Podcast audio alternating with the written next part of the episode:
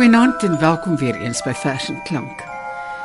Vanaand gaan ons luister na 'n vers van W.E.G. Lou, 'n lang rymlose vers wat hy noem Adam. Dis 'n meesleurende vertelling van Adam se drome en sy droomvisioene, sy eensaamheid, sy hinkering vir 'n liggaam, vir liefde. Soms is dit amper surrealisties. Dis dikwels baie eroties. Maar luister self. Chris van die kerk gaan dit vir ons lees. Hy het hom opgebeur uit daardie slaap waarmee die nag eintlik sy drome so swane van verre en steile kuste keer.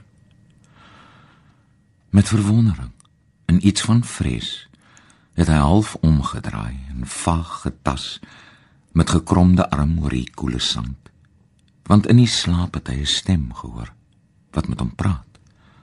'n asem oor sy wange 'n warmte teen sy hande. Maar dit was weg.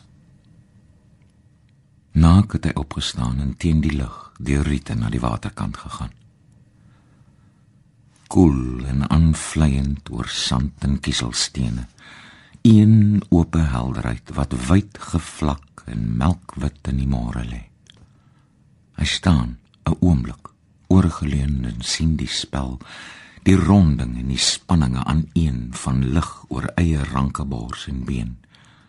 En vreemder, vaar in die sidderkringe, gebonde in donkerheid van haar, sy hoof, sy mond en oë.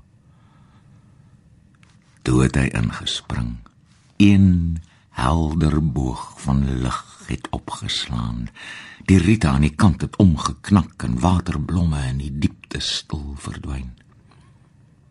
En speelse drif eers het hy wild gestoei met daardie water wat hom koud omkring, wat vlug en wyk en om sy duie vloei asof dit eie lewe het, wat dring en kragtig in die terugslag teen sy bors geklowe word.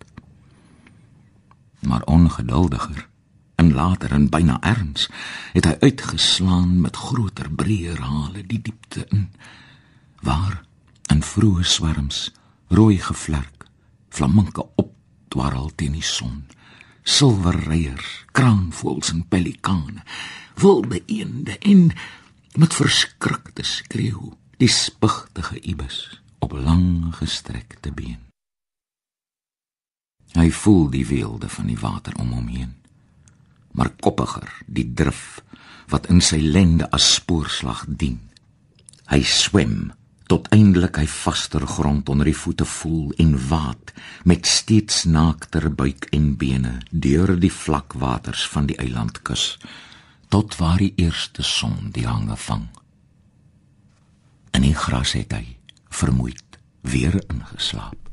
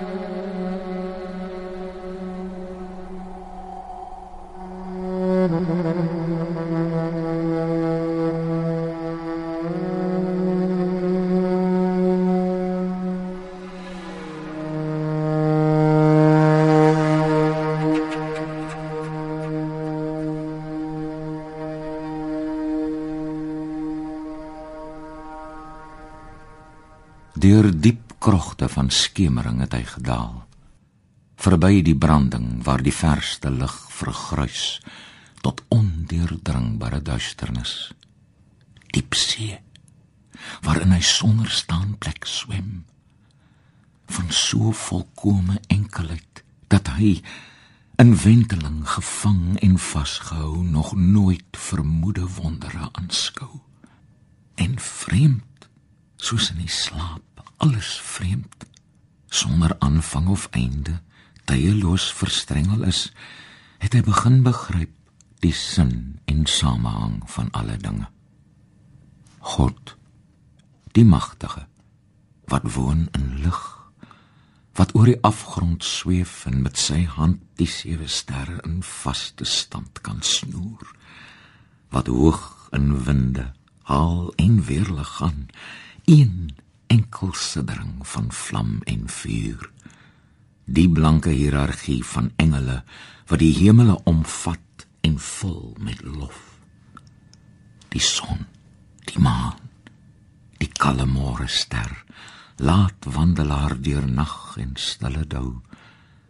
Die jong aarde wat hy die eerste dag as heerser in vervoering kon aanskou.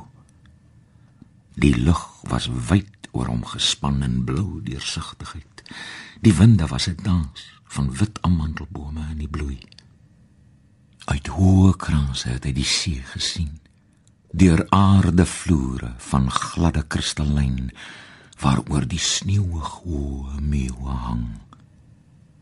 Die wit veste van die somernag verrys uit koele kruike van die see met sterresnoere en kettinge deur die blou. Die diere ook, die luiperd en die leeu, een gespannenheid van koperkrag.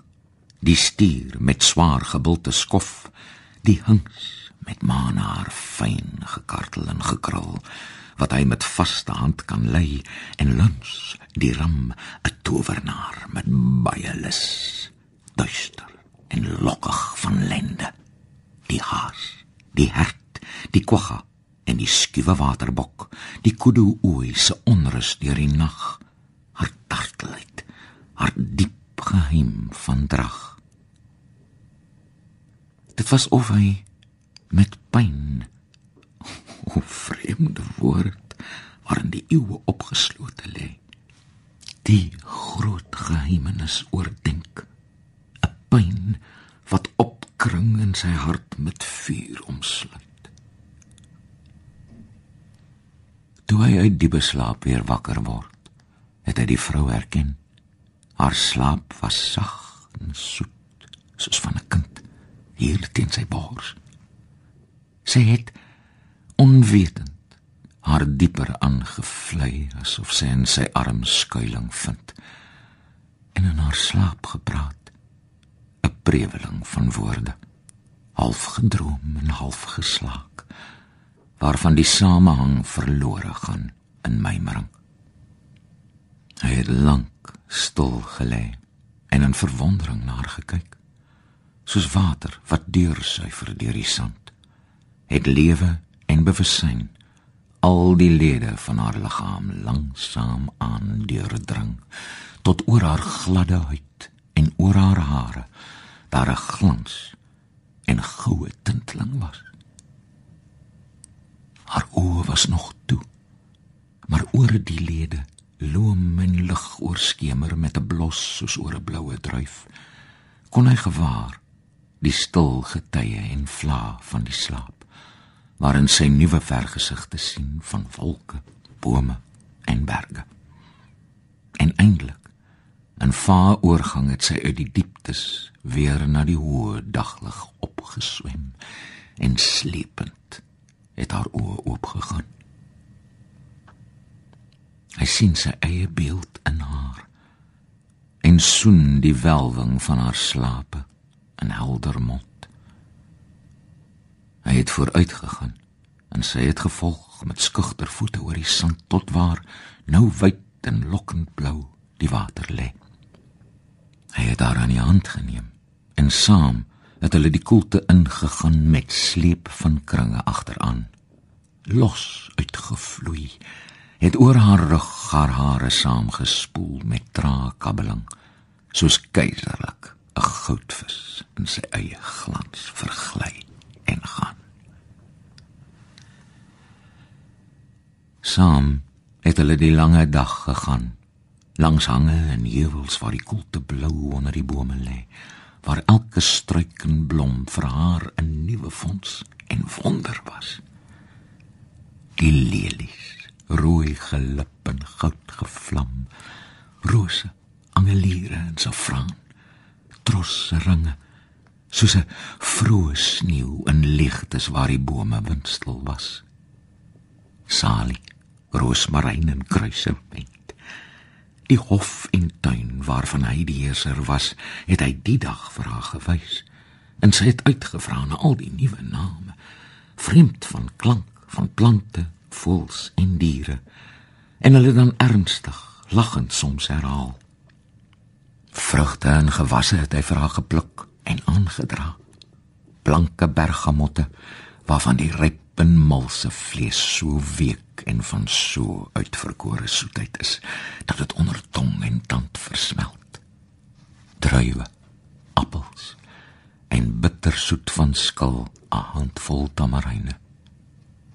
En soms terwyl hy besig was, gaan sy alleen vooruit met ligte pas, asof haar voete dans by die musiek wat hy verbaas nie hoor van fluitte en tamboerijn.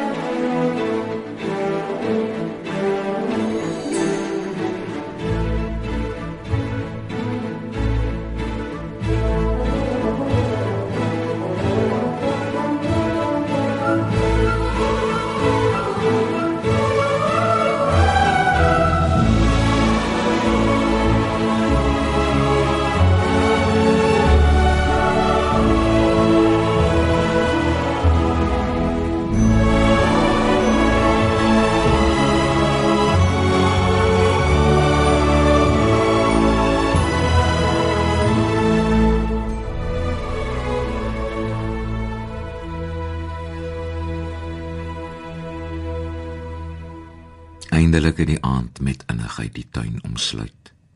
In sagte samespraak waarin hul woorde en veel meer hul sweye nuwe weer tot mekaar kon vind. Het teen 'n helling in die warm gras Adam en die vrou al neergelê.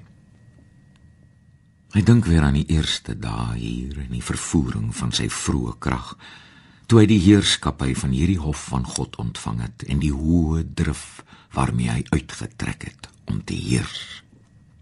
Hy sou die hele aarde onderwerp en aan hom diensbaar maak. Die goue drag van koringare wat al swaar te los en deur die wind gesaai word oor die veld, sou tot sy diens gedei en honderdvoud in gerf op gerf weer ingesamel word. Hy sou die gladde saad van boom en veldgewas veilig in vog en donkerte verberg totdat die aarde en son in juiste stand alweer tot lewe roep. Die stugge krag van diere sou hy buig en onderskik dat hulle hom dien tot lof en eer van God. En dan die onrus en die diep besef dat hy op hierdie aarde eensaam is, dat hy van alle diere onderskei in die besit van sy onsterflikheid geen deel aan daardie diepste vreugde het van hulle vrugbaarheid en sorg en groei. Het hy ooit God die heerskappy verwyd wat hom in enkelheid so afgesonder en so verheerlik het? Hy weet dit nie, want hy, die mens, van God ook onderskei, het byna onbewus met hom geleef en saam met hom gewandel deur die hof. Maar God wat hom gemaak het na sy beeld, self ewig sonder steen in enkelheid en in homself volmaak, het die verlange in sy hart gesien en dit genees. Die diepe rus van 'n volëindiging het in die slaap vir hulle saamgevind.